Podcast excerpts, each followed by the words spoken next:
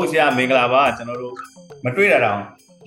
နည်းနည်းကြာပြီเนาะဆရာခီးပြန်သွားအာမတွေ့တော့တတင်းနီးပါးရှိသွားပြီအဲဟုတ်တယ်ဆရာဟုတ်ကျွန်တော်တို့အရင်ဆုံးဒီမိတ်ဆက်ပေးရမှာပြိတက်ကိုပေါ့နော်ဆရာဦးအောင်စိုးဆိုဆရာဦးအောင်စိုးဆိုတာဘယ်လိုလဲဒီလဲဆိုတာကိုကျွန်တော်တို့မိတ်ဆက်ပေးမယ်ဒါပေမဲ့ဒီနိုင်ငံရေးဟိုစိတ်ဝင်စားတဲ့ပြိတက်တွေကတော့ဆရာဦးအောင်စိုးကိုတည်ပြီးသားပေါ့အဲဆရာဦးအောင်စိုးကအဲ84 85 86 ကျောင်းသားလှုပ်ရှားမှုတွေမှာပါဝင်ခဲ့တယ်သူနောက်ပြီးကျတော့88အရေးတော်ပုံမှာလည်းပါဝင်လှုပ်ရှားခဲ့တယ်သူအဲနောက်ပြီးကျတော့ဒီအမျိုးသားဒီမိုကရေစီအဖွဲ့ချုပ်တည်ထောင်ဖွဲ့စည်းရမှာလည်းအဲပဲခူးတိုင်းစည်းရုံးရေးမှုဖြစ်လှုပ်ရှားပါဝင်ခဲ့တယ်အဲ့ဒီမှာစပြီးတည်းကနောက်ပြီးကျတော့ဒီ NCUB တဘာပတိအဖွဲ့ဝင်ဟောင်းလည်းဖြစ်တယ်နောက်ပြီးတော့ NLD LA အဖွဲ့မှာလည်းပါဝင်ခဲ့တဲ့သူဖြစ်တယ်ပေါ့နော်ဆရာဦးအောင်စောကျွန်တော်တို့ကတော့သိတာတော့ AR တိုင်းမှာ AR တိုင်းမှာဆရာဦးအောင်ပွင့်တို့ကြပြဆရာဦးအောင်ပွင့်တို့နဲ့ပတ်သက်ပြီးတော့ကျွန်တော်ဆရာဦးအောင်ပွင့်တို့ရှိရောက်တဲ့အခါမှာဟိုလှဲသား900အကြောင်း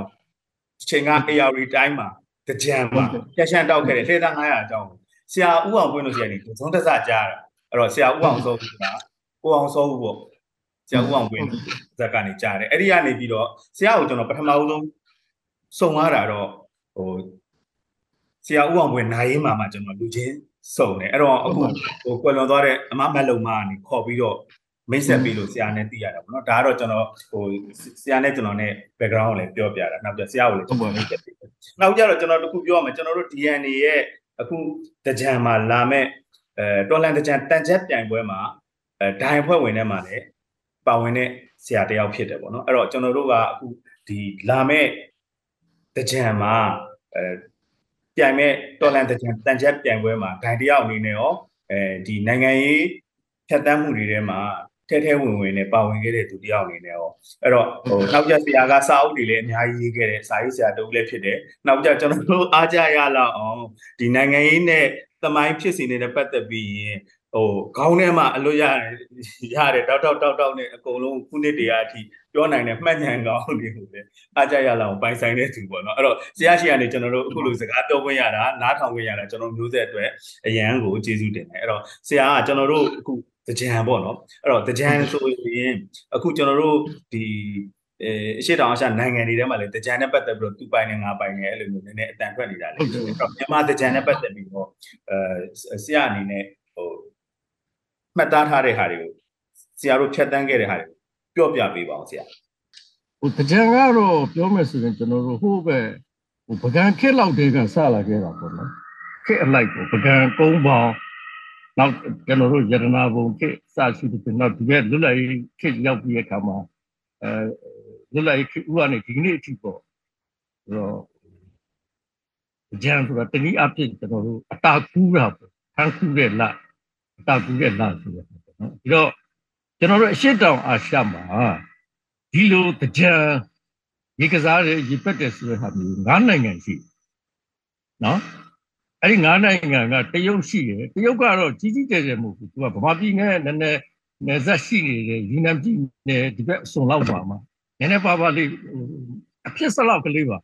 ရေးလေးနည်းနည်းပါပါလေးပက်တယ်ဆိုတဲ့ဟာတော့နော်လာအိုရှိတယ် ကမ္ဘောဒီးယားရှိတယ်ထိုင်းရှိတယ်ဗမာရှိတယ်၅ခုပေါ့နော်အဲ့ဒီအထဲမှာကျွန်တော်တို့ဗမာပြည်ရဲ့ကြံကတော့ဘယ်တိုင်းပြည်ရဲ့ကြံနဲ့မှမတူအောင်တမှုထူးခြားတဲ့ကြံပွဲဖြစ်တယ်လို့ကျွန်တော်ပြောချင်တယ်ပထမဦးဆုံးပေါ့နော်ကျွန်တော်89ခုအဲကျွန်တော်နေဆက်မှာဟိုကျွန်တော်တို့ဒီမနဘလော့တစ်ခေတ်မှာကျွန်တော်တို့နိုင်ငံရေးလုပ်နေတဲ့အခါကျတော့ဒီ ရှစ်တောင်အာရှဒီကြံပွဲကျင်းပတဲ့ရှိတဲ့၅နိုင်ငံရဲ့တော့ယဉ်ကျေးမှုဖလှယ်ရေးအစီအစဉ်ပေါ့ခေါင်းစဉ်ကတော့ cultural exchange program ဆိုပြီးတော့ချင်းမိုင်တက္ကသိုလ်ထဲမှာလုပ်ပါမယ်နော်အဲ့ချင်းမိုင်တက္ကသိုလ်ထဲလုပ်တဲ့အခါမှာကျွန်တော်ကဗမာပြည်ကိုကိုစားပြုပြီးတော့မှအဲ့ဒါတောထဲကနေမြို့တက်ပြီးတော့မှအဲ့ဒီတကြံအကြောင်းကိုကျွန်တော်သူတို့၅နိုင်ငံရှိမှရှင်းပြခွင့်ရခဲ့တယ်ပြီးတော့ကျွန်တော်ကိုယ်တိုင်လည်းဒီဗမာရဲ့တကြံအကလေးနဲ့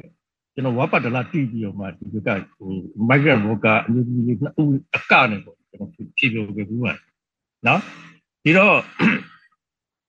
ကျွန်တော်အဲ့ဒီမှာရှင်းပြခဲ့တာကကျွန်တော်တို့ဗမာပြည်ရဲ့ကြံကတခြားနိုင်ငံရဲ့ကြံနဲ့မတူဘဲနဲ့ကြံနောက်ွယ်မှာနိုင်ငံရေးပါပါတယ်နော်ပြီးတော့ကြံမှာဆိုကျွန်တော်တို့ကနှစ်စဉ်ဒီလိုဟိုပြိုင်ပွဲတွေနော်ဆွဲစုံပေါ့အလှအကတဘာဝ တန်ချက်ဆိုအဲ့ဒီလိုပြိုင်ပွဲတွေနဲ့ကျင်းပတဲ့အခါမှာအကလေးတွေနော်တဘာဝကြမှုတွေတန်ချက်တွေမှာတကယ်စီးပွားပိုင်နိုင်မှုတွေစာသားတွေပြောင်းပြောင်းမှုတွေအဲ့ဓာတွေကိုဟို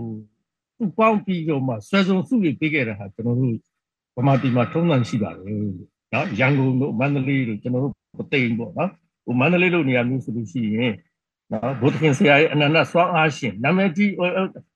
အားလုံးကိုစိန်ခေါ်ပြီးပေါ့နော်မန္တလေး ရန်ကုန်မှာဆိုရင်တော့အနန္တစွမ်းအားရှင်လို့ဒီလိုပဲရှိခဲ့တယ်ပေါ့ကျွန်တော်တို့ပသိမ်မှာဆိုလဲအဲကျွန်တော်တို့မထွက်ခင်ပေါ့အဲဒီ88မှာထွက်လိုက်တဲ့တဲသား900တက်ချက်ဆိုတာကျွန်တော်ဘဝမှာပထမဆုံးနဲ့နောက်ဆုံးဖြစ်သွားတယ်ကျွန်တော်တို့ရှိမှတခြားနာမည်ကြီးတဲ့ချိန်ဝင်တို့ကြီးကြီးကျယ်ကျယ်တို့ကမောင်းတန်တို့ရှိကြတာကိုကျွန်တော်တင်နေကြီးနေပေါ့နော်ဟိုအဲ့အဲ့ဒါလေးရှိခဲ့ဒီတော့ဒီတဲ့ပူထူးခြားတာကကျွန်တော်တို့ဒီကြံမှာ ဘလောက်ပဲတယောက်နဲ့တယောက်နောက်ပြီးဖြစ်စီကြောင်ပြီးဖြစ်စီဦးနဲ့တူကစိတ်မဆိုးသလားကျွန်တော်ခွင့်လို့ကြည့်ပြီးကြတယ်ကြိုက်တယ်လို့နောက်လို့ကြောင်လို့စားလို့ရတယ်နော်ဟိုအသက်ကြီးကြီးလူကြီးတွေဆိုလို့ရှိရင်လည်းကလေးငယ်တွေကိုခေါ်ပြီးတော့အုံညနာအိုးမဲတုတ်တာတို့ဘာလို့အဲ့ဒါမျိုးတွေလည်းရှိကြတော့ပေါ့နော်ဒါဒါတစ်ချက်နောက်ဒီကပူပြီးထူးခြားတာကကြံပြီးသွားတဲ့အခါမှာနှစ်စန်းတရက်နေ့ညနေမှာလုပ်တဲ့အလေးအထနော်အဲ့ဒါကတော့ကျွန်တော်တို့တောထုတ်ပွဲပုံ တခြားနိုင်ငံတွေမှာမရှိဘူးကျွန်တော်တို့ဗမာပြည်မှာနှစ်စန်းတရက်နေ့ရောက်ပြီးဆိုလို့ရှိရင်နော်ရှေ့လူကြီးတွေကကမကထပြုပြီးတော့မှတက်ကြီးပူဇော်ပွဲတက်ကြီးတဲ့လူတွေကိုလက်သက်ညှပ်ပေးတာတို့ခေါင်းလျှော်ပေးတာတို့နော်ကျွန်တော်တို့ငါးလွတ်တာတို့အဲ့ဒါလေးတွေလုပ်ပြီးတော့မှညနေလေးဝင်ဒီရောအချိန်ကြီးကြတော့မှလမ်းစုံလမ်းခွအတိုင်းမှာနော်ဆရာတော်တန်ဃာတော်ကိုပိတ်ပိတ်ပြီးတော့မှအဲ့မှာရွာတွေကလည်း ဟိုရက်ွက်ထဲကလည်းအကုန်လုံးကသူ့အိမ်နဲ့တခါတည်းပရိတ်အိုးလေးတွေပေါ့ဗျာနော်တပြေကက်တို့အုံးကက်တို့ဇီးစု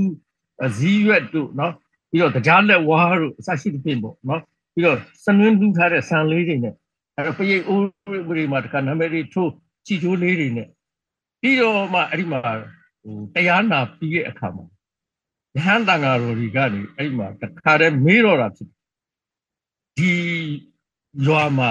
ဒီရက်ွက်မှာဒီလမ်းမှာဒီတိုင်းပြည်မှာပြည်သူအများစုကိုဒုက္ခအမျိုးမျိုးပေးနေတဲ့တစ်ဆယ်တရေတစ်ဆယ်ပိတ်တာမင်းစားမြေဖို့ဘလူအားအကုန်ဆက်ရှိတဲ့လူတွေနော်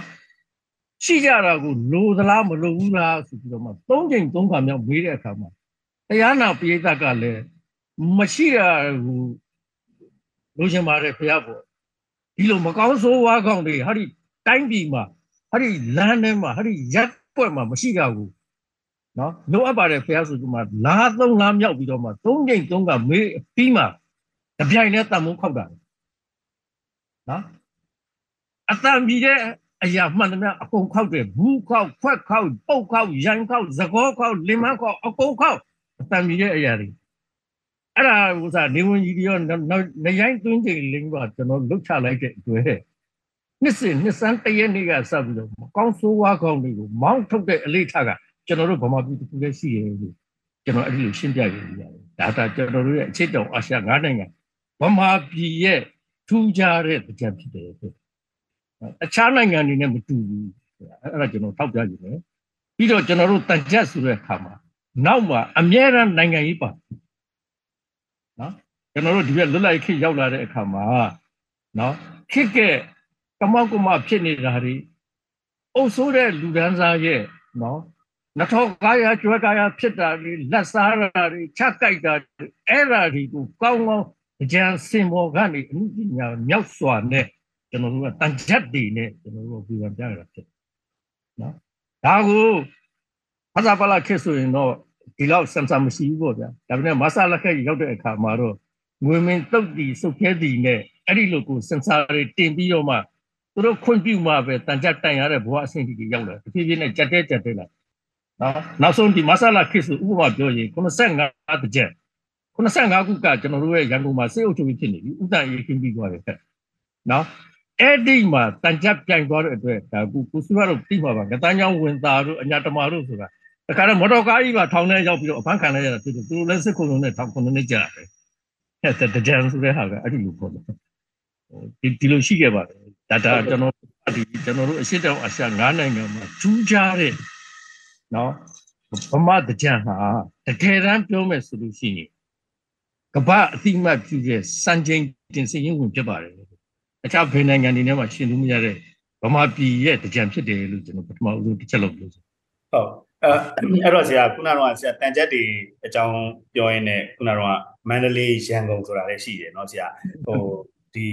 တကြံတန်ချက်တွေထဲမှာမှရန်ကုန်ဟန်မန္တလေးဟန်ဆိုတာလည်းရှိတယ်အဲ့တော့ဆရာတို့ပသိမ်ဆိုတာလည်းတစ်ချိန်ကရှမ်းရှမ်းတော့ဆရာ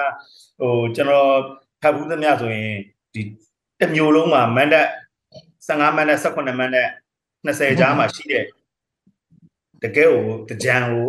ဒီတကြံမတ်တက်တွေနဲ့တန်ချက်တွေနဲ့မြင်းမြန်းဆိုင်ဆိုင်ကျင်းပတဲ့မျိုးကြီးတွေမှာလည်းပါတယ်အဲ့တော့ဒီမျိုးအလိုက်ဒီဟန်တွေရောဆရာဘယ်လိုကြွားမလဲဆရာ အဲမျိုးအလိုက်ဟန်ကြတော့တမျိုးစီပဲဖြစ်တယ်မန္တလေးဟန်ကတမျိုးရန်ကုန်ကတမျိုးကျွန်တော်တို့ပသိမ်ဟန်ကလည်းတမျိုးဖြစ်တယ်အေရပတိုင်နော်ဒီတော့ဟိုဒီကျွန်တော်တို့ဗမာပြည်မှာဒီလိုတန်ချက်တွေကဘယ်ကနေစပြီးတော့ဟိုခစားလာလဲဆိုတော့1920ပေါ့နော်ပထမကျောင်းသားတပိတ်ကာလတွေကအဲ့ဒီတပိတ်မောက်ကျောင်းသားတွေရဲ့တောင်းစုချက်ကြွေးကြော်တဲ့နေ့အကုန်လုံးကတနည်းအားဖြင့်အဲ့ဒါတန်ချက်စာသားတွေလိုဖြစ်သွား နော်1920ကျောင်းသားကြီး17ဦးကနေစပြီးတော့တပိတ်မောက်လာတဲ့အခါကြီးကတော့သူတို့ရဲ့ဟိုကြွေးကြော်တဲ့နေ့တိုင်ညပြီနော်အဲ့ကြွေးကြော်တဲ့နေ့ဆိုဘာတွေလဲဆိုတော့ဒုဗမာကျောင်းသားတွေထွက်လာကြကုန်ပြီတိုင်းပြည်အကျိုးကိုသာကြီးတဲဖို့ထမ်းရပြီဟာအဲ့ဒါတွေကတန်ကြအလိုက်တွေဖြစ်ကုန်တယ်လေနော်ဟာဘာစတီဘာစတီ white cow white cow နော်တက်ကတူတက်ကတူသပိန်မောက်သပိန်မောက်ဟာအဲ့ဒါတန်ချက်တွေကျွန်တော်ပြောစစ်တာ နော်ဟာမြန်ခွင်မှာတိုင်းရောက်ကြဟဲ့မခံကျင်ရှာဘွိုက်ကောက်သားတွေဟာစာရဂျီနဲ့ correct out get out get out ဟာအမျိုးသားတို့ကြီးပွားရနီလန်းမှန်စွာလုတ်တဲ့ចောင်းသားကောင်းလိုက်တဲ့တန်ချက်စားသားတွေចောင်းသားအပေါင်းမခံနိုင်အကြံပိုင်စွာသပိန်မောက်ကြဟာအဲ့ဒါတန်ချက်တွေလေကျွန်တော်ပြောချင်တယ်ပညာကောင်းကောင်းပေးမှသာညီညီညာညာကြောင်းတက်ကြစုဟာအဲ့ဒါတွေက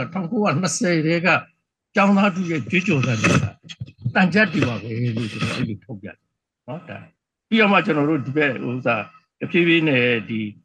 ဟိုဂျပန်ခစ်နာရောက်ခံနေပြီ1300ပြည့်အီရိုမျိုးတွေပြီးသွားပြီဆိုတော့1940ခုနှစ်လောက်ရောက်တဲ့အခါမှာနော်အမျိုးသားနေ့မှာတခါတည်းဒီအမျိုးသားအောင်ခွင့်ရဲ့ကြွေးကြော်တဲ့နေဆိုလို့ရှိရင်ဒီအတိုင်းပဲအမျိုးသားနေ့အခါတော့ကဘာကျော်အောင်နှွှဲလိုက်ကြစုနော်အဖိနှိတ်ချင်းကိုဒုမခံဒုနိုင်ငံဟာဒုဖို့ပါပဲ ဟာစွန်သားဝင်းနဲ့အာဇာနည်ဗမာပြည်မှာထောင်တောင်းသိန်းသားဟာအဲ့ဒါကျောင်းသားတွေအမျိုးသားအောင်ဝင်းနေမှာကြွကြော်တဲ့ကြွကြော်စံတွေကတနည်းအားဖြင့်အဲ့ဒါတွေတန်ကြက်တွေပါပဲလို့ကျွန်တော်ဒီပြောချင်တာပါအဲ့တော့ဆရာဟိုဆရာတို့ပသိမ်ဘက်ကိုလည်းကျွန်တော်သွားပသိမ်မှာကဆရာတို့ကလဲသား900မထွက်ခင်ပါလေထင်ရှားတဲ့တန်ကြားအဖွဲ့တွေလည်းရှိအောင်မယ်ဆရာရှိခဲ့တယ်ဟုတ်ကဲ့ရှိပါဘူးတော့အဲ့ဒီအဲ့ဒီအကြောင်းတွေပေါ့ဆရာအဲ့ဒီအခင်းချင်းနဲ့ဆရာတို့ ဘာကြောင့်ဒီလှဲသား900စပြီးတော့ဖွဲ့မယ်တန်ချက်ပြိုင်မယ်ဒီဝင်ပြီးတော့သိရောမယ်ပေါ့ခစ်နိုင်ငံရေးကိုအဓိကဆရာတို့လှုံ့ဆော်တဲ့အကြောင်းရင်းကဘာလဲဆရာအဓိကလှုံ့ဆော်တဲ့အကြောင်းရင်းကတော့1300ပြည့်ရဲ့50မြောက်ကျူအဲ့ဒါပါအဓိကနော်အဲ့တော့ပသိမ်မှာ ဟိုကျွန်တော်ကပသိမ်နဲ့ကင်းကွာသွားတော့တော်တော်ကြာသွားတယ်ခုရှိဟဲ့နော်92ဆရန်အောင်ပြီးတဲ့ကကျွန်တော်တက်ကလို့တက်တယ်တက်ကလို့တက်နေရင်တဝက်တစ်ပြက်နဲ့ရာသက်ပတ်ကျောင်းထုတ်ဒီနေ့ဒီလည်းကျောင်းသားပဲအဲ့ဒါရာသက်ပတ်ထုတ်တာတမိုးကြောက်ငယ်ကြီးကျောင်းစိတ်ဓာတ်ကကျောင်းသားစိတ်ဓာတ်ပဲငယ်ကြီးပါတီရဲ့ရောက်တာဟာရတကန်တော့ပေါ့ဗျာနော်ပြီးတဲ့အခါကျတော့ထောင်ကျသွားပြန်အောင်ပြီးသွားပြန်အောင် နော်ထောင်ကထွက်လာထွက်လာတော့လဲကျွန်တော်တို့ဒီဘက်ဟိုဘက်ဟိုဒါမြမြဝကျုံပေါ်ခဗျာအုပ်စုစိုးအိမ်မောင်တောင်းမြေလူတို့နဲ့ဒီကျွန်တော်ကမြောင်းမြကဲနဲ့တွဲဘက်ကျောင်းစရာလုတ်ပြန်အောင်အဲ့ဒီရမှကျွန်တော်ကတောခုသွားပြီးသဘုံဖြစ်ပြန်ဟောတခါပြန်ဖမ်းမိပြန်ဟောထောင်ကြပြန်ဟောသူမှကျွန်တော်က84ကြာမှကျွန်တော်မြို့ကိုကျွန်တော်ပြန်ရောက်လာတာပသိမ့်မှာအဲ့တော့ဆယ်စုနှစ်တစ်စုစာလောက်ကျွန်တော်ပသိမ့်ပြည်သူလူထုနဲ့ကျွန်တော်တော်တော်ကင်းကွာသွားခဲ့တယ်နော်လူဟောင်းတွေလောက်ပဲကျွန်တော်ကြည့်ကြတော့ ငယ်ပေါင်းကြီးကိုလို့နော်ဒီတော့ကျွန်တော်84ထောင်ကလွတ်လေကလေးကကျွန်တော်တကြံတွေကိုလိုက်ပြီးတော့လေ့လာကြည့်တယ်နော်အဲ့မှာခက်မောင်းတန်ရှိရဲ့နာမည်ကြီးပေါ့ဗျနော်ညိုဝင်းတို့အဲ့မှာမြင့်အောင်တို့နေဝင်းတို့အစားရှိတယ်ကျွန်တော်တို့တငယ်ချင်းတွေဟိုကိုရဆယ်ရန်နေငယ်တငယ်ချင်းတွေနော်နောက်တစ်ခါကြီးကြီးကျယ်ကျယ်ဆိုရင်တန်းဝင်းဆိုတာရှိတယ်နော်အဲ့ဒါတန်းဝင်းအမိနဲ့ကျွန်တော်တို့ကကျွန်တော်အမိတွေကဟိုဒါမောင်နှမဝင်းခွဲတော်တော်ကြတာ ကြီးကြီးကျယ်ကျယ်တန်းဝင်းပေါ့နော်ပြည်သူချိန်ဝင်ဆိုတာကုလာသိန်းတို့နာမည်ကြီးတယ်ပေါ့သူတို့တွေကနော်အဲ့ဒါတွေကျွန်တော်လိုက်ကြည့်လိုက်ကြည့်နေကဲအဲ့ဒီအချိန်မှာနိုင်ငံရေးကဘာတွေဖြစ်လာပြီလဲဆိုတော့ကျွန်တော်တို့သူတစ်ဖြစ်ဒီနိုင်ငံရေးရက်ခတ်ချက်တွေဘယ်ကနေစရက်ခတ်လဲဆိုတော့85ခုနှစ်ပြီဘုဗမာအစည်းအဝေးရဲ့နှစ်90ရွှေလူဖြစ် နော်တခင်ဟောင်းတွေကလူလွန်လာတယ်နော်ကြဲကြဲပြတ်ပြတ်မကျင်းပနိုင်ဘူးဘာကြောင့်လဲဆိုတော့ဘုံနေဝင်းနှောက်တဲ့အတွက်အဲဒီဒုဗမာအစည်းအဝေးရဲ့လုံးလို့မရဘူးဖြစ်သွားတယ်နော်ကဲဒါ85ပြီးတော့နော်အဲ့တော့မှအဲ့ဒီကာလမှာရှိတဲ့တခင်ဟောင်းကြီးတွေကဗမာပြည်ရဲ့လွတ်လပ်ရေးကိုပြန်လည်ပြီးတော့စောင့်စစ်လာတယ်နော်စမ်းစစ်လာတဲ့ကတော့86ရောက်တဲ့အခါမှာ အဲ့ဒီဒုဗမာအစည်းအရုံးရဲ့တခင်ဟောင်းကြီးတွေရဲ့နော်စစ်ပြီးခေတ်နဲ့စစ်ကြုံခေတ်တုန်းကကျောင်းသားတမကဝင်ဟောင်းကြီးများကြီးကလွတ်လပ်ရေးအနှစ်40စစ်တမ်းဆိုတဲ့ဟာကို86မှာသူပြုလုပ်ခဲ့ကြတယ်ဆိုလိုတဲ့သဘောကငါတို့ရယူပေးခဲ့တဲ့လွတ်လပ်ရေးရဲ့အပြီးအပွင့်တွေငါတို့ပြည်သူလူထုတွေခံစားနေရသေးရဲ့လားအနှစ်40ကြာလာတဲ့အချိန်တိုင်းပြည်ကဘယ်ကိုဥတီသွားနေတယ်လဲ နော်စစ်အာဏာရှင်စနစ်အောက်မှာပြားပြားမောက်ငါတို့ဘဝတွေကြိုးကျင်နေကြပြီဆိုတော့သုံးသပ်မှုတွေက86မှာထွက်လာပြီနော်ဒီတော့မှတခါ89ထဲမှာဒီဇင်ဘာရောက်တဲ့အခါကျတော့လေကမ္ဘာအစီအဆုံးနိုင်ငံဆိုတဲ့ LDC ဖြစ်သွားပြီနော်ဒီတော့ဒီအကြောင်းအရာတွေပတ်သက်ပြီးတော့မှကျွန်တော်ပြိမာရောက်တဲ့အခါအထူးသဖြင့်ဒီဒီကြံကိုလုပ်ဖို့အတွက်ကျွန်တော်တို့အရင်ဆုံးခေါင်းဆိုင်ကြတာ ဟိုအစိုးရတို့လည်းသိမှာပါနော်စိုက်ရစကိုနေလင်းဈေးကိုရေးသွားတဲ့ကိုနေလင်းပေါ့ဖတ်ဖူးတဲ့ထင်ပါပြီနော်ဘွဲကျွန်တော်အမြဲတမ်းခေါင်းချင်းဆိုင်ကြတယ်တခုခုလုပ်ချင်တယ်နော်အဓိကကတော့ဒီနေ့ဗမာပြည်မှာတခုတည်းသောပါတီပဲရှိရမယ်ဆိုတော့မဆလာလုံးဝအသုံးမကျဘူးဖွဲ့စည်းရနော် အဲ့ဒီအဖွဲ့အစည်းကိုဥဆောင်နေတဲ့ပုံကူနာမည်ကိုတဲ့ပြောလို့ရတယ်ဘူနေဝင်းသူလည်းအသုံးမကျဘူးတိုင်းပြည်ကိုဖျက်ခဲ့တာအဲ့တော့ဒါကိုကျွန်တော်တို့ဒီလာမဲ့78မှာကျွန်တော်တို့တန်ကြထွက်ချင်တယ်တိုင်းမင်းနဲ့နော်အဓိကကတော့ကျွန်တော်တို့ရဲ့ဆွေးနွေးမှုကခေါင်းဆောင်မှုပြဿနာဒါပဲနော်ခေါင်းဆောင်မှုမှာအဖွဲ့အစည်းရလည်းအသုံးမကျဘူးလူပုဂ္ဂိုလ်ရလည်းအသုံးမကျဘူးဆိုပြီးတော့မှလောက်ကြရအောင် ဆိုပြီးတော့ဘာဖြစ်လို့လုတ်ချင်လဲဆိုတော့ဒီကနေ့88ကအင်မတန်ထူးခြားတဲ့နှစ်ကြီးဖြစ်တယ်1300ပြည့်အေရောဘုံကြီးရဲ့အနှစ်90ရွှေရုကာလဖြစ်တယ်လူတွေကမေ့နေကြတာဖြစ်တယ်နော်ငွေရရုရွှေရရုဒါပြည့်နှစ်တွေကိုအနှစ်အစိတ်အနှစ်90 85စိန်ရရုနောက်ရာပြည့်ဆိုတဲ့အနှစ်အစိတ်မှတစ်ခါကြာရောက်တဲ့အခါမျိုးဟာဒီ88မှာတော့ဘာပဲပြောပြောနိုင်ငံရေးလှုပ်ရှားမှုအသွင်သဏ္ဍာန်တစ်ခုအနေနဲ့ကျွန်တော်တို့ပေါ်သိတယ် အဲ့တော့ကျွန်တော်တို့ပသိမ်မှာဘယ်လိုပုံမလဲစာပေဟောပြောပွဲနဲ့ပုံမလားနိုင်ငံကစာဆောင်တွေနဲ့ပုံမလားပကြီးပြပွဲနဲ့ပုံမလားဒါမှမဟုတ်ရင်ရိုးရအကြံမှာတန်ကြက်အဖွဲ့အနေနဲ့ပုံမလားကျွန်တော်နော်အဲ့ဒီတော့မှတန်ကြက်အနေနဲ့ပေါ်တာပို့ပြီးတော့အကောင်းဆုံးဖြစ်နိုင်တယ်ဆိုပြီးတော့မှကျွန်တော်တို့ဝိုင်းပြီးစဉ်းစားကြတာဖြစ်တယ်အဲ့ဒီမှာခေါင်းဆောင်ပြဿနာကိုစဉ်းစားရင်းနဲ့နောက်ဆုံးတွေ့ရှိသွားတာကတော့လေသာ900 စကလုံးလေးလုံးနဲ့ပဲနော်အဲ့ဒီစကလုံးလေးလုံးဆိုတာကမဆလာကိုရိုက်ချလိုက်တဲ့စကလုံးလေးလုံးဖြစ်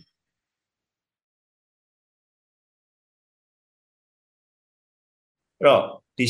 88ရေးခင်းဆိုတော့88ရေးခင်းဆိုတော့ကျွန်တော်83မွေးတာဆိုတော့အဲကျွန်တော်9နှစ်သားကိုကျွန်တော်မှတ်မိလိုက်တဲ့ဟာရှိအဲ့တော့ဒီ88ခုနှစ်မှာဟိုဟာဆရာတို့ကဒီ တန်ကြက်ပြိုင်တာကတန်ကြက်ဝင်ထိုးတာက April ဆိုတော့နောက်၄လလောက်ကြာမှဒီတနိုင်ငံလုံးလူလူအုပ်ကျွမ်းမှုကြီးလှုပ်ရှားမှုစတာဆိုတော့အဲ့တော့88ဒီအရေးခင်းမတိုင်ခင်အရေးတော်ပုံမတိုင်ခင်တည်းကဒီလူလူရဲ့နိုင်ငံရေးရေချိန်ကလည်းမြင့်နေပြီဟိုဒီနိုင်ငံရေးလှုပ်ရှားတွက်ကြမှုတွေကလည်းဆရာတို့စပြီးတော့ဟိုပြိုးနေပြီပေါ့ဆရာတို့အဲ့လိုမျိုးလှုပ်လှုပ်တော်နေပေါ့အဲ့လိုအခြေအနေပေါ့ အဲ့တော့အဲ့ဒီဆရာတို့အခုဒီတကြံမှာလေးလပိုင်းမှာဆရာတို့ဒီတန်ချက်ထိုးခဲ့တဲ့အချိန်ကလူလူရေးတော်မုံကြီးပေါ်လာတဲ့အခါမှာဘယ်လိုမျိုးဒီလူလူပေါ်မှာတက်ရောက်မှုတွေရှိလဲလူလူအတွက်အားစိတ်တွေအားဖြစ်သွားတာပေါ့ကျွန်တော်ဟုတ်ပေါ့နော်ဆရာဟုတ်ဘာဖြစ်လို့လဲဆိုတော့ကျွန်တော်စောစောကနေဟိုဟာတည်ပြီးတော့ယူလာတယ်လို့နော်ဒုဗမာအစီယုံကြီးကဟိုမှာ85မှာဟိုဟာရွှေရုဖြစ်သွားပြီ တခါ86မှာဒီတခင်ဟောင်းကြီးတွေကလည်းနိုင်ငံရေးတုံ့တက်မှုတွေလုပ်ပြီးနော်89မှာလည်းဟိုမှာငွေဆက်ခုတွေလေတရားမဝင်ကနကင်ညာလို့ပြဿနာတွေတက်နေပြီနော်အရေးကြီးကြီးကဟိုပောက်ပွဲတော့မဲ့ရန်အိုးကြီးလိုဖြစ်နေပြီနော်89စက်တင်ဘာ9ရက်နေ့မှာဒီဟာတွေကင်ညာလိုက်တဲ့အတွက်ကျောင်းသားတွေတော်အဲ့ဒီမှာကျောင်းတွေပိတ်ချလိုက်တာတွေဖြစ်သွားပြီနော်သူ့ဘက်ကိုယ့်ဘက်ပေါ့လူလူကလည်းတော်တော်ကိုခံစားနေရတဲ့အနေအထားမှာ သူ့ရဲ့အုပ်စိုးတဲ့လူဒန်းစားဘက်ကလည်းမရတော့ဘူးတော်တော်အခြေအနေစိုးနေတဲ့အတွက်နော် LDC ကိုရှောက်ရတဲ့အဆင့်ဖြစ်သွားနော်ဒါဒါဒါကဒါဟိုတွန်းပို့လိုက်တဲ့အတွက်ရှောက်ကိုရှောက်ရသွားတာဒါကတော့နိုင်ငံရေးပိုင်းနေမှုလို့ကျွန်တော်သိမပြောပါဘူးနော်အဲ့ဒီမှာဥတေဟောင်ဝင်းကိုယ်တိုင်ကနေဘူနေဝင်းစီကိုအကြံပြုတဲ့စာထွက်လာပြီဥက္ကဋ္ဌကြီးမရတော့ဘူးတိုင်းပြည်ကပြက်နေပြီနော်အဲ့တော့ဒီအခြေအနေတွေဒီအခြေအနေတွေဖြစ်တဲ့အတွက်ဥက္ကဋ္ဌကြီးကနေဥဆောင်ပြီးတော့မှဂျာပြတ်အစိုးရသဘောမျိုးဖွဲ့ ဖွဲ့စည်းပုံအစ်စ်ပြန်ရေးပါနောက်ရွေးကောက်ပွဲလုပ်ပါဆိုတဲ့အကြံပြုစာထွက်လာပြီးအဲ့ဒါ89ခုထဲမှာနော်အဲ့ဒီတော့မှကျွန်တော်ကတော့လုတ်တော့မယ်ဆိုပြီးတော့နော်ကျွန်တော်တို့၃ယောက်တိုင်မိပြီးတော့ဆုံးဖြတ်ချက်ကို89နှစ်ကုန်မှာချပြီးတော့88 January 9ရက်နေ့မှာကျွန်တော်နဲ့ကိုအောင်ဝင်းရန်ကုန်စတက်ပါတယ်နော်အဲ့ဒီမတက်ခင်မှာကျွန်တော်တို့ကစိုင်းမှုတင်လိုက်ပြီဖြစ်တယ်နော်တင်ထဲလိုက်တဲ့စိုင်းမှုကလည်းနော် အကြောင်းကြောင်းသောအကြောင်းများကိုအကြောင်းကြည့်ပြီးတကလားဒီအတားမှာလှဲသား900အမှုပညာတွေများအုပ်စုလာမည်ပြီးတော့နော်ဆက်သွယ်ရလူလည်းမပြောထားဘူးဆက်သွယ်ရမဲ့လိပ်စာလည်းပေးမထားဘူးဟုတ်ကဲ့တင်စိုင်းမှုကပသိမ်မျိုးရဲ့ဒီဗန်ရှိမှာနော်ဒါကိုကိုဆိုရလည်းပသိမ်မှာဆိုတော့တိတိမှာပါဒီလိုမျိုးလက်ဖက်ကိုတို့ကထိုင်းကြီးကြားကကြော်ကြားလက်ဖက်ဆိုင်ကအများအားထိုင်းနေတာပဲအဲ့ဒါကြော်ကြားလက်ဖက်ဆိုင်ကကိုတို့ရဲ့စုံရက်ပဲ ကိုတို့အများအားဒီမှာထိုင်းနေဌာနချုပ်ပါဆရာရိပ်ကြီးရနော်ဒီလူတွေတော့တခုခုတော့လုံးတော့မယ်ဆိုတော့သူတို့ကတော့သိနေတယ်ဒါပေမဲ့တင်ထည့်လိုက်တဲ့အခါမှာဘယ်သူမှမသိဘူးလေဟာလဲသား900ထွက်လာတယ်ဘယ်သူဘယ်ကိုဆက်တော်ရမှာလဲဘယ်သူတွေကခေါင်းဆောင်တာလဲသူတို့မသိဘူးနော်တင်ထည့်လိုက်တဲ့စာကအကူစုကစဉ်းစားကြည့်အကြောင်းကြောင်းသောအကြောင်းများကိုအကြောင်းပြုပြီးတကာလဒီအတမလဲသား900အမှုပညာတွေများအုပ်စုလာမည်ဘာအကြောင်းလဲ ပြီးကြအေးအဲ့ဒီအကြောင်းကြောင်းသောအကြောင်းပဲလေဘယ်လိုလဲနော်ဒါကြောင့်မလို့ကျွန်တော်ရှေ့မှာပြောသွားတဲ့ဟာတွေဟာနော်ဒုဒုဗမာအစည်းအရုံးဟာတွေအောင်းကြီးတွေရဲ့လွတ်လပ်ရေးအနှစ်40စစ်တမ်းတွေ LDC ဖြစ်သွားတာတွေဥတေဟောင်းရင်ရဲ့နော်အကြံပြုစာတွေဆိုတာအဲအဲ့ဒီအကြံအကြောင်းကြောင်းနေပါဆရာတွေမသိနိုင်ဘူးကျွန်ကျွန်တော်တို့ကတော့နိုင်ငံရေးလုပ်နေတဲ့လူတွေဆိုတော့သိနေတာပေါ့သူဆိုရနော်အဲ့တော့ဆရာတို့ဥဆောင်တဲ့အထက်မှာလည်းပါတယ်လေ ဥအောင်ဝင်အကြောင်းပေါ့ဆရာတို့ရဲ့တကယ်ချင်းအဲ့တော့ဒီကကျွန်တော်တို့ကျွန်တော်ကျွန်တော်တို့ဆိုရင်ကျွန်တော်တို့ကပြောလို့ရှိတယ်ကြပြားတိုင်းမှုကြီးပေါ့ AR တိုင်းရဲ့တိုင်းမှုကြီးဒီပေါ့အတိုင်းဟုတ်ပြီနောက်ပြတကယ်တော့ကျွန်တော်တို့ AR တိုင်းနဲ့တော့တနိုင်ငံလုံးကြပြားလောကရဲ့လေဟိုပြောရရင်တော့ဇေရနာတစ်ပါးပဲကျွန်တော်တို့ကသူ့ကိုငင်းငိုင်းကြပြားဆရာလို့လည်းခေါ်တယ်တကယ်ကိုလည်းသူကပြည်တွင်းစစ်မှာသူ့အမေနဲ့ကွဲသွားပြီးတော့ခုအသိတော့ဟုတ်ပြီ သူ့အမေကိုပြန်မတွေ့ရသေးဘူးပြည်တွင်းစစ်ကိုသူစိတ်ထဲမှာသူရန်ဟိုနာကြီးတယ်ပေါ့နော်ဘာကြောင့်လဲဆိုတော့သူဒီလာသူသူ့အမေကိုပြည်တွင်းစစ်မှာပွဲသွားအဲ့တော့သူတစ်ချိန်လုံးသူနည်းနည်းနည်းနည်းကင်ဆွဲခဲ့တဲ့ဒီဝါရတော့ငင်းငယ်ရေးပဲသူကြပြထဲမှာလည်းဒီငင်းငယ်ရေးနဲ့ပတ်သက်ပြီးတော့သူတောက်လျှောက်ဆန်းနေပြီအဲ့တော့ဒါကကျွန်တော်တို့ကျွန်တော်တို့မျိုးဆက်ကတည်တဲ့ဆရာဦးအောင်ခွင့်အဲ့တော့ဆရာတငယ်ချင်းအကြောင်းကိုဆရာနည်းနည်းလေးကျွန်တော်တို့ထပ်ပြီးတော့ကျွန်တော်တို့မသိတဲ့ရှိ ပြောပြပြီဟုတ်ပြီဒီတော့ကိုပွင့်တဲ့ကျွန်တော်ကတကြောင်နဲ့ထွက်တည်အထက်ကနှစ်အရင်ဥစ္စာပေါ့အမျိုးသားကြောင်းပေါ့နော်သူကတော့ကျွန်တော်လည်းနည်းနည်းအတန်းကြီးတယ်ပေါ့နော်သူကအစိုးရကနိုင်ငံရေးလုပ်လို့အပန်းခံလိုက်ထွက်လိုက်ဝင်လိုက်ထွက်လိုက်ဝင်လိုက်သူနဲ့ကျွန်တော်နဲ့ကဝင်လိုက်အထွက်နဲ့အဝင်လွဲလိုက်အဲ့ဒီလိုတွေဖြစ်နေတယ် နော်ပြီးတော့မှနောက်သူအိမ်အောင်ကြတဲ့အခါကျတော့သူအိမ်အောင်ပြီးတဲ့နန်းညွှန်ရွှေကကျွန်တော်နဲ့တန်းနဲ့တကယ်ချင်းရှစ်တန်းနဲ့ကနန်းညွှန်ရွှေဆိုတာကနော်ဟိုရှစ်တန်း9တန်း10တန်းပေါ့ဗျာဒါနောက်ကြတော့ဒီကိုကိုအမွေးက88တခါကျဝင်သွားပြန်အောင်ကျွန်တော်ကထွက်လာပြန်အောင်နော်ဟိုထွက်လာပြီးတဲ့အခါကျတော့ကျွန်တော်က80နှစ်တခါဝင်သွားပြန်အောင်အဲ့ဒီလိုတွေဖြစ်နေတယ်ပြီးတော့ သူသူနဲ့ပတ်သက်ပြီးတော့တော့မှကျွန်တော်တခါဟိုစောင်းမတစ်ခုတောင်းလို့ပြီးပြီးပါတယ်အမေလွမ်းဝေဒနာတွေကြီးဆိုပြီးတော့နော်နော်သူ့အမေကရဲရဲဆက်ဆက်အသက်ခံခဲ့ရတာဖြစ်တယ်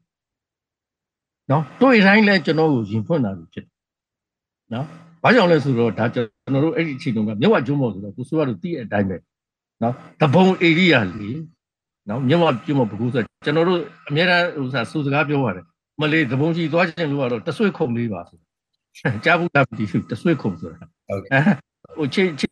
ခြေချောင်းနှစ်ချောင်းကိုဇုံရက်ပြီးတော့မှဆွေကနေခုနအဲ့ဒါဟိုဘက်တဘုံထဲရောက်သွားတာဘုံမေးနော်အဲ့ဒီတော့သူ့အမေဟာပုံမလင်းလင်းပြောရရင်သစ်ပင်ပေါ်မှာကြိုးချပြီးတော့မှမိကြိုက်အသက်ခံခဲ့ရတယ်နော်အဲ့ဒီလောက်အထိရက်ဆက်တဲ့အပေါ်မှာဒီဒီပြည်တွင်းငြိမ်းချမ်းရေးကိုအရန်တန်တာ နော်အဲ့တော့ကျွန်တော်တို့ကလည်းဒါဆရာကြီးမိုင်းနဲ့ပတ်သက်ပြီးထောင်ချထားခဲ့တယ်ဆိုတဲ့အခါကျတော့သူနဲ့ကအမြဲတမ်းကျွန်တော်ကသူ့အိမ်သွားသူကကိုယ့်အိမ်လာကိုယ့်အိမ်လာရင်ကိုယ့်အမေကလည်းသူ့ကိုသားလို့ခေါ်နော်ကိုယ့်အမေကသူ့ကိုသားလို့ခေါ်လိုက်လို့ရှိရင်သူကအဲ့ဒီလိုသူ့အမေကသားလို့ခေါ်တဲ့ဟာကိုသူတိတ်ခန့်နေတယ်ဒါပေမဲ့မရဘူးနော်ကိုယ့်အမေကခေါ်တဲ့အခါမှာသူငဲ့ကြတယ် ကိုယ့်အမေဆိုလဲသူကသူ့အမေလိုပဲအဲ့တော့အများအားဝင်ထွက်သွားလာပေါ့နော်ကိုကလည်းဟိုပတင်ရောက်လို့ရှိရင်ကြော်ကြလက်ဖက်အိမ်ဆိုင်တိုင်းပြီးရင်သူ့အိမ်မောင်ကြီးငင်းငင်းစာပေလေးလာရမညကူလန်းသွားပေါ့နော်အဲ့လိုနေခဲ့ကြတော့ပေါ့ဒီတော့နိုင်ငံရေးအရာသူကိုအပြည့်အဝယဉ်ကြည်ပြီးသားဖြစ်တယ်နောက်ပြီးတော့ကိုစားကိုလည်းသူကသိတယ်ဟိုတကြောင်နဲ့ထွက်လာခဲ့တဲ့ကိုကကိုကငငယ်တည်းကအဲ့မှာတီတီးရမှုတ်ရဆူရကရဆိုတဲ့ဟာလေ ကျွန်တော်အမှုပညာတော့အခုမှသဘုံသာဖြစ်လို့ဖြစ်နေတာစိတ်ကူးတဲ့တောင်ရှိကြမှာဘူးသဘုံဖြစ်မယ်ဆိုတာဟိုအဲ့ဒီလိုဆိုတော့မှအများကြီးဆွနွေးနဲ့ကိုပွင့်ရီကျွန်တော်ဒါကိုလုတ်ချင်တယ်ဆိုသူတိတ်ကျင်တတ်သွားနော်ပြီးတော့မှလုတ်ချင်တဲ့ idea တွေကိုလည်းအပုံပြောပြလာတာဖြစ်တယ်နော်အထူးသဖြင့်ကျွန်တော်ငင်းချမ်းရေးကိုဖော်ချင်တကယ်ဖြစ်ရမှန်ကိုကျွန်တော်ဖော်မှာဖြစ်တယ်ဆိုဟာတိတ်သူသဘောကျဒီငင်းချမ်းရေးကိစ္စတော့ဒီဒီမှာသူတင်တော့မယ်နော် ပြီးရင်ဒီမဆာလာကိုကောင်းကောင်းလေးပါပါလေးပုတ်တော့မယ်ဆိုတော့ဒီတော့မှချမယ်ဆိုပြီးတော့မှကျွန်တော်တို့ဆုံးဖြတ်ချက်ချတယ်အဲ့မှာကျွန်တော်တို့ကတခင်ဟောင်းနေနဲ့ကျွန်တော်ကချိတ်ဆက်ပြီးပြီပသိမ်မှာဆိုတခင်စိန်ကူပေါ့နော်ဘရောချောင်းကနော်တခင်စိန်ကူကမှတဆင့်ကျွန်တော်ရန်ကုန်ရောက်တဲ့အခါမှာဟိုဒါဥအုံမြင့်ပေါ့တုတ်တေဥအုံမြင့်ကျော်လင်းစာနေစင်းပေါ့နော်အဲ့တော့မှကျွန်တော်တို့က January 9ရက်နေ့မှာစောစောကဆိုင်းဘုတ်တင်လဲပြီးတော့ကျွန်တော်ကရန်ကုန်ကိုသွားပြီးတော့မှအဲ့ဒီအဲ့ဒီမှာ သူကြပြတောင်းကြပြအရှိကြီးသူရမ်းပြေတော့ဟိုစက်ထားခဲ့တယ်နဲ့တူတယ်အဲ့ဒီကြပြကျွန်တော်ဟိုမရလိုက်ဘူးပေါ့နော်သူကငင်းငယ်ခီးစဉ်မှာကျွန်တော်တို့အဲ့ဒီလိုရန်ကုန်ကိုစသွားတဲ့ကိုတွေကဟောသူကဆက်သွားတယ်နော်ဘာကြောင့်လဲဆိုတော့အဲ့ဒီမှာကျွန်တော်တို့ကမသိခင်မှာဒီပြည်တွင်းငင်းငယ်ကြီးနဲ့ပတ်သက်လို့ဆရာကြီးရဲ့နောက်ဆုံးကြောကြားခဲ့တဲ့ဆရာကြီးရဲ့ဘဝဇာတ်ကြောင်းကိုသိကျင်လို့ကျွန်တော်တို့ကအကုန်လိုက်ပြီးတော့အင်တာဗျူးလုပ်လို့ဒီကုန်းသားရောက်မေးတယ်နော် ဒါပြည်တွင်းစစ်နဲ့ပတ်သက်တဲ့ဆိုတဲ့ကိစ္စနောက်ဒေါက်တာစင်ဖိုးနော်အဲ့ဒါကြီးကျွန်တော်တို့ကမေးကျင်လို့အဲ့ဒီခကြီးစဉ်မှာဟာကျွန်တော်ကဦးအောင်မြင့်ကိုအရင်ဆုံးတော့ပြီးတော့တွေ့တယ်စူရန်ပတ်မှာဘုံဝင်နေကျွန်တော်တို့တဲ့ရေးကျွန်တော်တို့အခုလာမဲ့အကြံပြလို့ရှိတယ်1300ကြီးနှစ်90ရွှေဟိုကျွန်တော်ပြန်တင်နေတယ်ဟာအားပေးတော့ဦးမြင့်နော်တိတ်ကောင်းတာပေါ့ဗျာတိတ်ကောင်းတဲ့အစီအစဉ်ပဲနော် အဲ့တော့ကျွန်တော်ကပြောပြတယ်အကြံမှာကျွန်တော်တို့ကတရုတ်ဖော်မှာ1300ကြီးချင်းလေးကျွန်တော်ဖော်မှာဖြစ်တယ်နော်အဲ့ဒီတခြင်းကဘလူဆက်သွားလဲဆိုတော့ပသိမ်သားပဲပြီးကြီးကကိုဝင်းမောင်ဆက်သွားတာကြပြဆရာဖုတစ်နော်နိုးလော့ထားလော့အရာနော်အဲ့ဒီတခြင်းကကျွန်တော်တို့ဒီတက္ကသိုလ်ရောက်တယ်သူကဘီအီဒီယာကိုကျွန်တော်တို့ကဒန်ဒလာဆိုတော့လေဖိုးမှာတက်စင်နေက အဲ့ဒီ BED ရဲ့သူတို့ဟိုစာ farewell party မှာ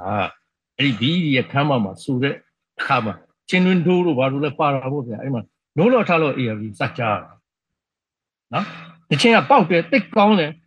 နောက်မြမအတန်ကနေတော့အတန်လွှင့်မှုအတွက်သူတို့လောက်ပြီးနောက်မှအပိတ်ခံတယ်နော်ဘာကြောင့်လဲဆိုတော့အဲ့ဒီတချင်းထဲမှာ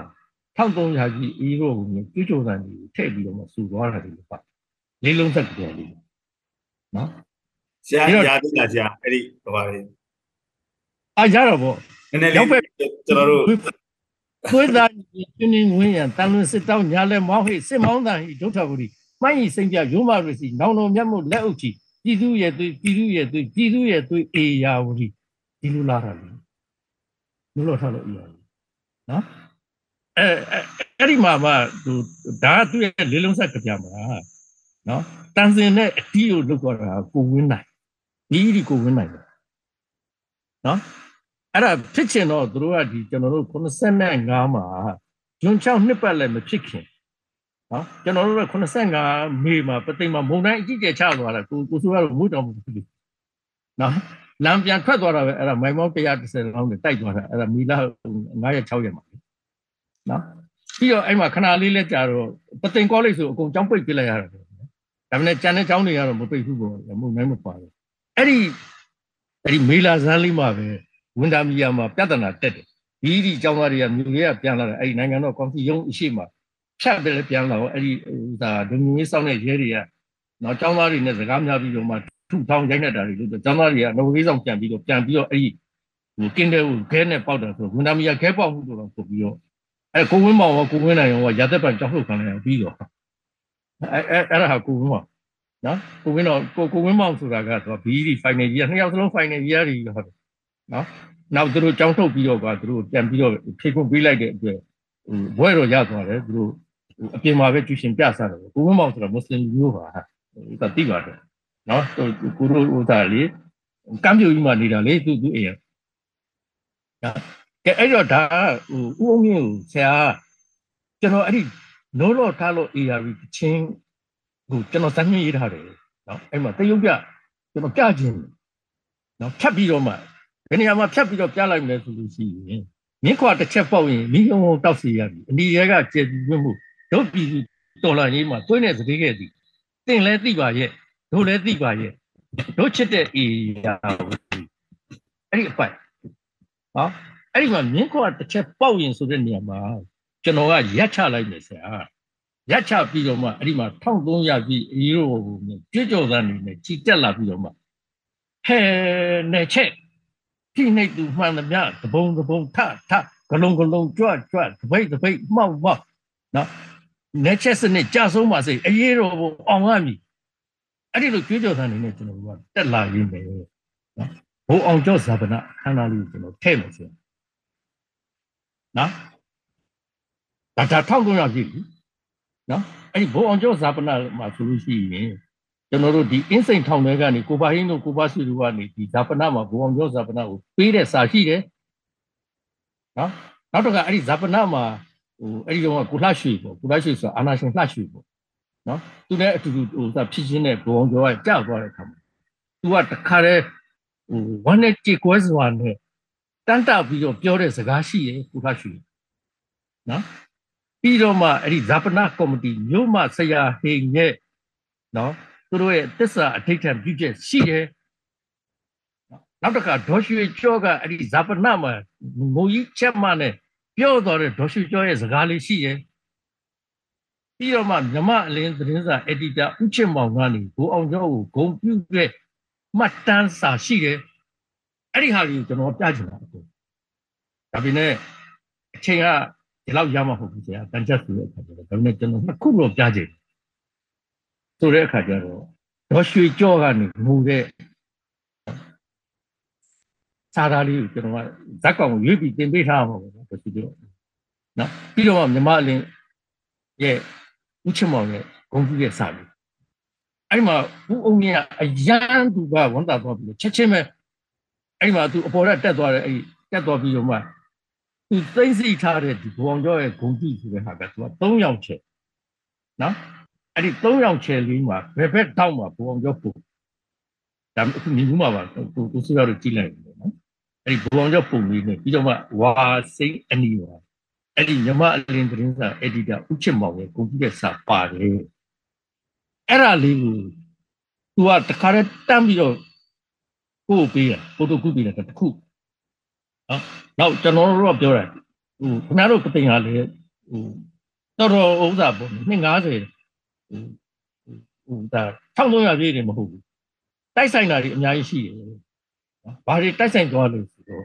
38ခု April မှာ20နှစ်ရက်ကနေ24ရက်နေ့ကျင်းပသွားတယ်ကျွန်တော်တို့ရဲ့အမျိုးသားကျောင်းမှာပဲကျင်းပသွားတယ်တတရအချိန်ဘာကတာညီလာခံမှာကိုအောင်ဆန်းဥက္ကဋ္ဌဖြစ်လာနော်ဒါပထမညီလာခံက စစချင်း36မှာဂျူဘီဟောမှာလုပ်တယ်ဒုတိယညီလာခံကမန္တလေးအမျိုးသားအထက်တန်းကျောင်းမှာလုပ်တယ်တတိယညီလာခံကပသိမ်မှာလုပ်တယ်အဲ့ဒီမှာကိုအောင်ဆန်းဥက္ကဋ္ဌဖြစ်အဲ့တော့ပသိမ်မှာကိုအောင်ဆန်းလာပြီးတော့တတိယအကြိမ်ညီလာခံလုပ်သွားတာပသိမ်မျိုးကြီးအတွက်ဆိုအင်မတန်ဂုဏ်ယူစရာကောင်းတဲ့အနှစ်90ပြည့်တိုက်ဆိုင်မှု1300ပြည့်တယ်မဟုတ်ဘူးပသိမ်မျိုးရဲ့ထူးခြားတဲ့တိုက်ဆိုင်မှုအဲ့ဒါတစ်ချက်နောက်တစ်ချက်ကအဲ့ဒါလည်းပြီးရော ဘာကတာဥက္ကဋ္ဌကိုအောင်ဆန်းကနှစ်ကုံအောင်တော့မလုပ်တော့ဘဲနဲ့အကုန်လုံးအထုပ်ပိုးပိုက်ပြီးတော့ဒုဘောအစီယုံနိုင်ငံရေးလောကရဲ့ခြေစုံပြည့်ဝင်သွားလို့အဲ့ဒီမှာကိုပိုင်ကဥက္ကဋ္ဌတက်လို့ရတော့တာလေဒီတော့ဘုကျောင်းအောင်ဆန်းမဖြစ်သေးခင်မှာနော်ကျောင်းသားသမဂ္ဂရဲ့ဘကတဥက္ကဋ္ဌကိုအောင်ဆန်းကဒုမအစီယုံဝင်တခင်အောင်ဆန်းဖြစ်သွားတာအနှစ်90 88ကြီးရဲ့ထူးခြားချက်ကြီးရနော်သုံးချက်ထူသွားတယ်ထောက်လို့ရပြီအေးလိုအနှစ်90 နော်ကိုအောင်ဆန်းဒီမှာကျောင်းသားသမဂ္ဂတတိယညီလာခံလာလို့ကအနှစ်90နော်တခင်အောင်ဆန်းဘွဲခံယူသွားတာအနှစ်90ဟာနောက်တစ်ခုရှိသေးတယ်ဘိုးအောင်ကျော်ကြသွားတယ်အနှစ်90တိုက်ဆိုင်မှု၄ခုရှိသွားတော့ဖြစ်လို့ဆက်ဆက်ရှိတယ်နော်အဲ့ဒီတော့မှစောစောကတုတေဦးမြင့်ကလည်းအားရဝန်တာသွားတယ်အတော်ပဲဗျာခင်ဗျားတို့လွန်ခဲ့တဲ့အနှစ်90ကနော်အဲ့ဒီမြမအလင်းသတင်းစာပါ ကိုအောင်ဆန်းအဲ့ဒီပသိမ်မှာပြော့သွားတဲ့မိန်ကွန်းအဲ့ဒါမျက်နှာဖုံးနဲ့အဲ့ဒါကိုဖိုတိုကူးပေးလိုက်တယ်ကျွန်တော် original အတိုင်းပဲဒီစာရွက်ဥစ္စာ legal site တော့မဟုတ်ဘူးဒီသတင်းစာ site ခါကြီးနဲ့ရွှေရွှေကုန်းတိုင်းထိတ်မှာသွားကူးပေးပြီးတော့မှရော့အဲ့ဒါကလူအိုင်သုံးပါဆိုပြီးတော့ဘောင်းစည်းရအောင်ဆန်းတော်လည်းကောင်းပြုတ်ရပြီအလုတ်တော်လည်းကောင်းအောင်မြင်ရပြီဒီဓမ္မအရင်အနှစ်90ရဲ့သတင်းစာကိုနော်ဒါဒါလေးက ဟိုဥုံမြင့်နဲ့တွေ့ရခါမှာဥုံမြင့်ကလည်းကောင်းတယ်တဲ့ခင်ဗျားတို့ကလည်းတတ်နိုင်တဲ့တောင်းကနေ1300ပြီးအီးကိုခေါ်ပါတဲ့ကျွန်တော်ကလည်းဒီကနေစာပေလူကသို့မဟုတ်ဆိုရယ်ဒီကနေဒီဘိုးအောင်ကျော်ကြာဆုံးကြီးအနှစ်90ကျွန်တော်စောင်းမတစ်ပုတ်ရေးပြီးတော့မှအခုဒီနော်ဥချစ်မောင်ရဲ့ဂုံပြပတ်တန်းပါလေးကျွန်တော်ပြဖုံးမယ်ဆိုပြီးတော့လည်းသူ့ဘက်ကသူကြိုးစားမယ်ပေါ့ဗျာ1300ပြီးအီးကိုအနှစ်90ဒါနဲ့ဖြစ်မသွားပါဘူးသူလည်းအဲ့ဒါတွေပေါ်ပြခွင့်မရပါဘူးဘယ်ရမလဲဗျာ မဆလာဖြစ်တယ်ပေါ့နော်အဲ့တော့ကျွန်တော်ဟိုမှာဖုံးမယ်ဆိုပြီးတော့မှအဲ့ဒီအပတ်မှာကျွန်တော်ကညဉ့်ညရေးတိပိတာနဲ့ပြားရည်ဟောလစ်ပလင်းထဲမှာမဲဆဲပုံလေးစိတ်ပြီးတော့ဒါအသက်ကြီးတဲ့လူတွေအတွက်တွေးအားကောင်းတယ်ဆိုလို့ဦးအောင်ကြီးကိုတပလင်းနော်ပြီးတော့အပြန်မှာဒဂုံတာရကိုတပလင်းနောက်ဒေါက်တာစင်ဖိုးကိုတပလင်းကြော့ခဲ့တယ်နော်အဲ့တော့ဒဂုံတာရကိုလည်းကျွန်တော်မေးရတာဒီပြည်ရင်းစစ်စဖြစ်သွားတာဟာဘလို့အကြောင်းတွေလဲ နော်အဲ့ဒီဘာခရလမ်းရဲ့အပေါင်းတိုင်းအပေါ်ရက်မှာနော်လူသူအင်အားလက်နက်တွေနဲ့စုပြီးတော့မှသဘုံထားတော့မယ်ဆိုလို့လွတ်တာလားဆရာဆိုတော့ပြောပါဆိုတော့ဘယ်ဟုတ်လဲတဲ့ကိုဘတ်တင်ဘလူတော့ဖို့သွားတယ်ဆိုတော့ကျွန်တော်အတိဆုံးပဲတဲ့ကျွန်တော်အိမ်လာပုံနေရင်းနဲ့ကျွန်တော်ကတော့ခဏကျုပ်ကျုပ်အိမ်လာမပုံနဲ့ကျုပ်ကအဖမ်းခံရမယ်ဆိုလို့သူ့မှာတကြံရဲ့ကြမှာတုံချန်ချန်တုံချန်ချန်ဆိုပြီးတော့မျက်နှာမှာအုံးမဲတွေတုပ်ပြီးတော့မှအဲ့ဒါတကြံပြန်ကားနဲ့တော့ခုသွားတာတဲ့ဒါတကုန်းသားကပြောတာနော် ဆိုလိုတာကပြည်တွင်းစစ်တရားခံဘယ်သူတွေလဲဆိုတဲ့ဟာတွေကျွန်တော်သိချင်တယ်နော်ပြီးတော့ကျွန်တော်အဲ့မှာတချင်းလေးသူပြပါတယ်မလာရနန်ဆိုတဲ့တချင်းလေးနော်ဒါသူ့ရဲ့ဟိုဆိုမတ်လတော်လှန်ရေးဘိုးကုတ်ကုတ်ပဲအိုရုပ်တရဲ့မြင်းပြဆက်ရွေ့ကွဲအဲကြောင်းရဟဟလာပြီးမိုးပြာကိုဖြတ်ဗရမ ्या ကြီးစီးလေဟိုမြန်းကုန်ကြီးအာယုံပေါ်ကဝူတော်အဲ့ဒါကိုခြေစင်းယူထားပြီးတော့ဥက္ကမောင်လေးကအင်းစိန်တောင်နော်85ခုနှစ်တိုက်ငန်းမှာဆက်သွားတဲ့တခြင်းကြီးကျွန်တော်ဆိုပြတယ်စာဆုံး နားထောင်အောင်ပြီးတော့မှနောက်ဆုံးအပိုက်ကြတော့မှသူကပြောတယ်ကောင်းတခြင်းကတော့ကောင်းတယ်ဟာဒါပေမဲ့အဲ့ဒီမှာသွေးပါလာတဲ့အတွက်ကျွန်တော်တော်တော်မကြိုက်ဘူးပြန်အဲ့အဲ့ဒီတခြင်းကနောက်ဆုံးမှာတို့သွေးတွေနဲ့ကဘာကြီးကိုစေးကြောပြစ်မလို့ရှေ့တစ်ခွင်လုံးလီလာပြီဆိုတဲ့ဟာကြားဘူးသားတော့မသိဘူးနော်ဒါဒါအလယနန်ဆိုတဲ့ခြင်းလေးပဲအဲ့အဲ့ဒီကာလာပေါ့ရှစ်လေးလုံးကာလာလေးဖြစ်တာပေါ့နော်အဲ့တော့သောသောဟိုသာ တခင်အုံးမြင့်ကလည်းအားပေးတယ်ကျွန်တော်တို့ပသိရတခင်စိန်ခုကြီးကကျွန်တော်လှဲသား900တန်ချက်လုတ်တော်လို့ဆိုတဲ့အခါကျတော့ကြက်တစ်ထောင်မှတည်ပြီးတယ်အဲ့ဒါဘန်ကိုကျွန်တော်ခေါ်သွားပြီးတော့ကြော်ကြလက်ဖိတ်ဆန်နေအတူတူဘန်တက်သွားပြီးတော့သူကဘန်ထုတ်ပြီးရော့ဆိုပြီးတော့အဲ့ဒါဒီလိုလုတ်တာဟုတ်အဲ့ဒီလိုနဲ့ကျွန်တော်တို့လှဲသား900ကိုကျွန်တော်ဒီလိုလုတ်တယ်လို့ပြောတာဟုတ်နော်အဲ့တော့ဆရာတို့အဲ့လှဲသား900မှာဟိုဥဆောင်တဲ့သူတွေကကိုယ်ခန္ဓာအလိုက်ကိုခွဲယူတာတွေလည်းရှိတယ်အဲ့တော့ ဟိုဆရာအဲ့ဒါလေးကျွန်တော်တို့ပြန်ပြီးတော့ပြောပြပါအောင်ဆရာဆရာတို့ဆရာကောင်ပွင့်တို့ဟုတ်တယ်တာဝန်တွေခွဲယူပုံကြီးတာဝန်တွေခွဲပြီးတယ်ဆိုတဲ့အခါကျတော့ဒီလိုနိုင်ငံရေးပိုင်းဆိုင်ရာကျတော့ကျွန်တော်ခေါင်းမကြောက်နော်ကျွန်တော်နိုင်ငံရေးပဲပြချင်တယ်ကျန်တာကတော့ကမောက်ကမတွေစီးပွားရေးတွေလူမှုရေးတွေပညာရေးတွေကျန်းမာရေးတွေအကုန်ပါတော့ဗောဗျာအဲ့ဒီအပိုင်းကိုကိုနေလင်းနဲ့ကိုပွင့်တာဝန်ယူနော် တာဝန်ယူတဲ့အခါကျတော့ကျွန်တော်တို့ကဒီလိုတရက်ခွင်ဥစားကိုအကုန်လုံး20လောက်ကျွန်တော်တို့ချထားတာဖြစ်နော်အဲ့20ထဲမှာအများကြီးပါတာပေါ့ဗျာအာစာအုပ်စာပေအကြောင်းတွေပါတယ်နော်အိုးမဲ့အိမ်မဲ့ပြဿနာပါတယ်ကုန်စည်နှုန်းပါတယ်ချဲပါတယ်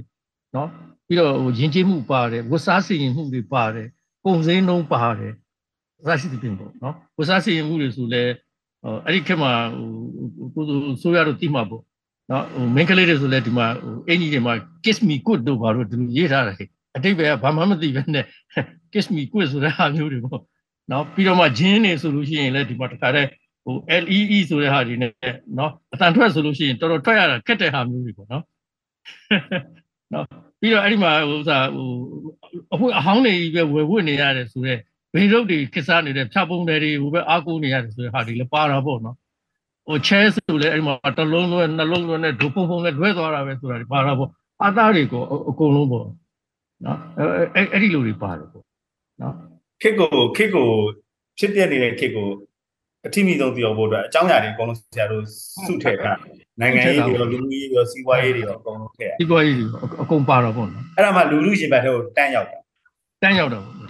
တ်ကဲ့အဲ့ဒီတော့မှနိုင်ငံရေးအပိုင်းကြတော့မှကျွန်တော်အဓိကတောင်း နော်အဓိကတောင်းရင်ကြီးတာဗီဇနဲ့ပတ်ဝန်းကျင်ဘယ်ဟာအရေးကြီးပါလဲနော်ဒါတစ်ချက်နောက်တစ်ချက်ကတိုင်းရင်းသားစီးပွားရေးဆိုတဲ့ကိစ္စနော်အဲ့ဒီအတချင်းကိုစာသားတွန်းထားတာကစကားပြောတော့အတဲနှလုံးထဲမှာစာသားထည့်ပေးတာပြီးတော့မှနောက်ဆုံးကြတော့မှငင်းချမ်းရေးကိုကျွန်တော်အပီပြတော့ရှေ့ပိုင်းမှာတော့တဝါဝါတဟာရည်ရည်ကြီးပဲအကုန်လုံးမှာ ဟိုချဲတို့ဘာတို့ဆိုအကုန်တခါတည်းတဝါဝါကိုဖြစ်နေတာပိဋကနော်အဲ့ဒါဟိုချဲမှာအတိတ်စင်းကောက်ရင်းနဲ့အဲ့ဒါပေးတဲ့လူကနောက်ဆုံးဘောင်းမီကချုပ်ပြီးတော့အဲ့ဒါပေါင်လိုက်ရတဲ့ဘဝရောက်တဲ့အဆင့်ဒီဘာမှမကြံတော့ဟိုဒါမျိုးတွေလည်းကျွန်တော်တို့ကပြတော့ဘူးညာအဲအဲ့ဒီလိုကဏ္ဍကျွန်တော်ခွဲပြီးတော့ယူခဲ့ကြတာဖြစ်တယ်နော်အဲ့ဒါ9ရာဒါတော့အဲ့တော့ဆရာအဓိကကနိုင်ငံရေးတာဝန်နိုင်ငံရေးဟိုက ဒီအထူးသဖြင့်ကိုအောင်ဆန်းရဲ့ကျောင်းသားတမကလိုင်းကိုကျွန်တော်ပြန်ပြီးတော့လှလှလေးပြန်ဖို့နော်ပါပါလေးပို့ရတာနော်အဲ့ဒီကာလမှာအားလုံးသိတဲ့အတိုင်းပဲကျွန်တော်တို့ကဒဲလို့လို့မရတဲ့အတွက်ကျွန်တော်တို့ကဝိုက်ရတာဖြစ်တယ်လေနော်ဟိုတိုက်ရိုက်ဝုတ်တိမရတဲ့အတွက်ဝန်ကားဝုတ်တိလုတ်ထားရတယ်ဖြစ်တာပေါ့သူကြော်ဝခွာရတယ်ရှိတယ်နော်အတိကပြောချင်တာက ဒီလို1300ပြည်အရေးတော်ဘုကာလမှာကိုအောင်ဆန်းကကျောင်းသားသမဂ္ဂခေါင်းဆောင်ဖြစ်ခဲ့တာကျွန်တော်ပြန်ပြောချင်အခုမရှိတော့နော်အခုမရှိတော့ဘူးအဲ့ဒါကိုလည်းကျွန်တော်မရှိတော့တဲ့အကြောင်းကိုလှလှပါပါပြောခဲ့အချိန်လုံးကရှိခဲ့တယ်ကိုအောင်ဆန်းဒီလိုဒီလိုပြောခဲ့တယ်ဆိုပြီးတော့မှကျွန်တော်ကဒီလိုတရုပ်ဆောင်တဲ့အခါကျတော့ဒီတောင်စုနေ့မှာစတိတ်ရှုသွားကြည့်ရင်လို့အဖေရှိမှာစတိတ်ရှုလက်မှတ်ဖို့တောင်းတဲ့သားနဲ့အဖေကမ်းမှာကျွန်တော်ပြောရတယ်ကျွန်တော်အဖေအနေနဲ့တရုပ်ဆောင်တယ် ဦးကြီးအနေနဲ့နော်ပြောရင်းနဲ့မှကဲမင်းဟိုမှာသတင်းစာတွားကြည့်လိုက်စမ်းကွာဆိုပြီးတော့မှအဲ့ဒီလွန်ခဲ့တဲ့မြမအလင်းအနှစ်90ရာသတင်းစာကိုအဲ့မှာဖတ်ပြရအောင်ဆန်းတော်လည်းကောင်းပြုတ်ရပြီအလုတ်တော်လည်းကောင်းအောင်မြင်ရပြီအဲ့ဒါမင်းအရွယ်ပဲရှိသေးတယ်ဘူကျုံအောင်ဆန်းဒီလိုအဲ့ဒီငါတို့ပသိညူကြီးမှာပေါ့နော်တို့ရဲ့အမျိုးသားကျောင်းကြီးမှာကိုအောင်ဆန်းအဲ့ဒီလိုပြောသွားတာကျောင်းသားသမဂ္ဂဥက္ကဋ္ဌတော့တစ်ချိန်လုံးက အခုမရှိတော့ဘူးနော်ကျောင်းသားသမဂ္ဂအဲ့ဒီလိုပြောနေတာကျွန်တော်ကစင်ပေါ်ပါအဲ့ဒါတွေသူတို့ဆက်ဆက်ဖျက်လို့မရဘူးကျွန်တော်ပြောတာမှားလို့လားအခုမရှိတော့ဘူးဒီကျောင်းသားသမဂ္ဂဒါဟုတ်ကျွန်တော် message ပေးလိုက်တယ်အဲ့ဒီချိန်မှာရှစ်လေးလုံးဖြစ်မယ်ဖုံးမော်ဖြစ်မယ်ဆိုတော့ကျွန်တော်မသိဘူးဖုံးမော်ကမတ်လ23ရက်မှာဖြစ်တာကျွန်တော်တို့ကဒီဇက်ဇက်အင်အစိုးရကဇန်နဝါရီကကျွန်တော်တို့ကတင်ထားနေပြီဒါကိုချတော့မယ်ဆိုတဲ့ကိစ္စနော်ပြီးတော့မှ ကျွန်တော်ကအဲ့ဒီသတင်းစာကိုကျွန်တော်အဲ့ဒီလိုပြောနေတဲ့အချိန်မှာကျွန်တော်လည်းဒီအောက်ကိုကြည့်နေတာပေါ့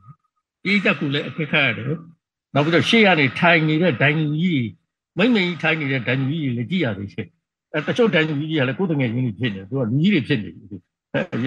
ရက်ွက်ဥက္ကဋ္ဌတို့ဘာတို့ညာတို့ပါတီကောင်စီတို့တွေမှာနော်အာဒီကောင်တော့တက်ဆုံးနေပြီဆိုပြီးတော့သူလည်းပြောထားတယ်ပြောပြောပေါ့ဒါနဲ့ကျွန်တော်ကအဲ့ဒါလည်းပြီးလဲပြီးရောနော်ကျွန်တော်ကဒီလိုလူကိုဘယ်လိုခွဲထားလိုက်လဲဆိုတော့ တယောက်ထဲကနေအစဆုံးတန်ကြက်တိုင်သွားတော့နော်တန်ကြက်တိုင်မဲ့လူ9ယောက်ကိုကျွန်တော်ပြီးထားတယ်ရွေးပြီးတော့မှတယောက်ကဓာတ်တိုင်းတယောက်ကဓာတ်တိုင်းတယောက်ကဓာတ်တိုင်းနော်အဓိကကျွန်တော်ကတော့အကုန်လုံးကို reserve လုပ်ထားတာဖြစ်တယ်အခုခုဖြစ်သွားလို့ရှိရင်ကိုကဒိုင်းနဲ့ဝင်ပြီးတော့အစားထိုးပေးနေတယ်ဘာကြောင့်အကုန်လုံး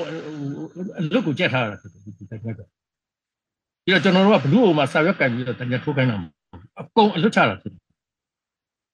ဒါအမှတ်ယူရမယ်ဟာဒီဒါကိုကျွန်တော်တို့ပြော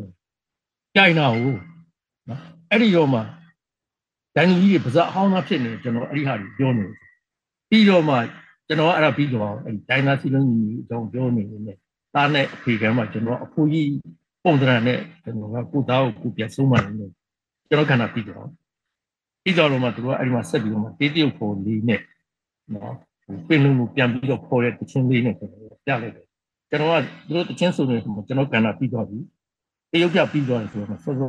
လက်ထားတဲ့သတင်းစာကိုဒီလာပြီးတော့မှအဲ့ဒီတိုင်းကြီးပြီးတော့အင်းတမန်တက်ကိုကျွန်တော်တစ်ခုအခုပြီးခဲ့တဲ့တိုင်းကြီးအောင်16မန်တက်ရှိ16မန်တက်အဲ့တော့သူတို့ကဟိုကမကြည့်တော့ဘဲနဲ့ကျွန်တော်ပြလိုက်တဲ့ဟာကြီးကိုတော့ပြီးတော့သတင်းစာကိုမမြင်ဘူးဟဲ့လွန်ခဲ့တဲ့အနှစ်90ရာမြန်မာအလင်းသတင်းစာကြီးဟုတ်တယ်အဲ့ဒါဖိုတိုကော်ပီကြီးအဲ့တော့စင်မောမအဲ့ဒီကောင်ပြောနေတာတည်းမဟုတ်တန်းတရားတွေရှောက်အားချောင်းနေတာမဟုတ်ဘူး တကယ်အခိုင်အမာပြောနေတဲ့အချက်လက်ကြီးပဲဘုရားအောင်ဒီလိုပြောခဲ့တယ်ပေါ့ဟာပတိမျိုးမှကျင်းပသွားတယ်ဆိုတော့တတိယအကြိမ်ဘာကတာအညီလာကဆိုတော့ပြီးသွားပြီလေကျွန်တော်အပိုင်ကိုချတာဖြစ်တယ်ဒီက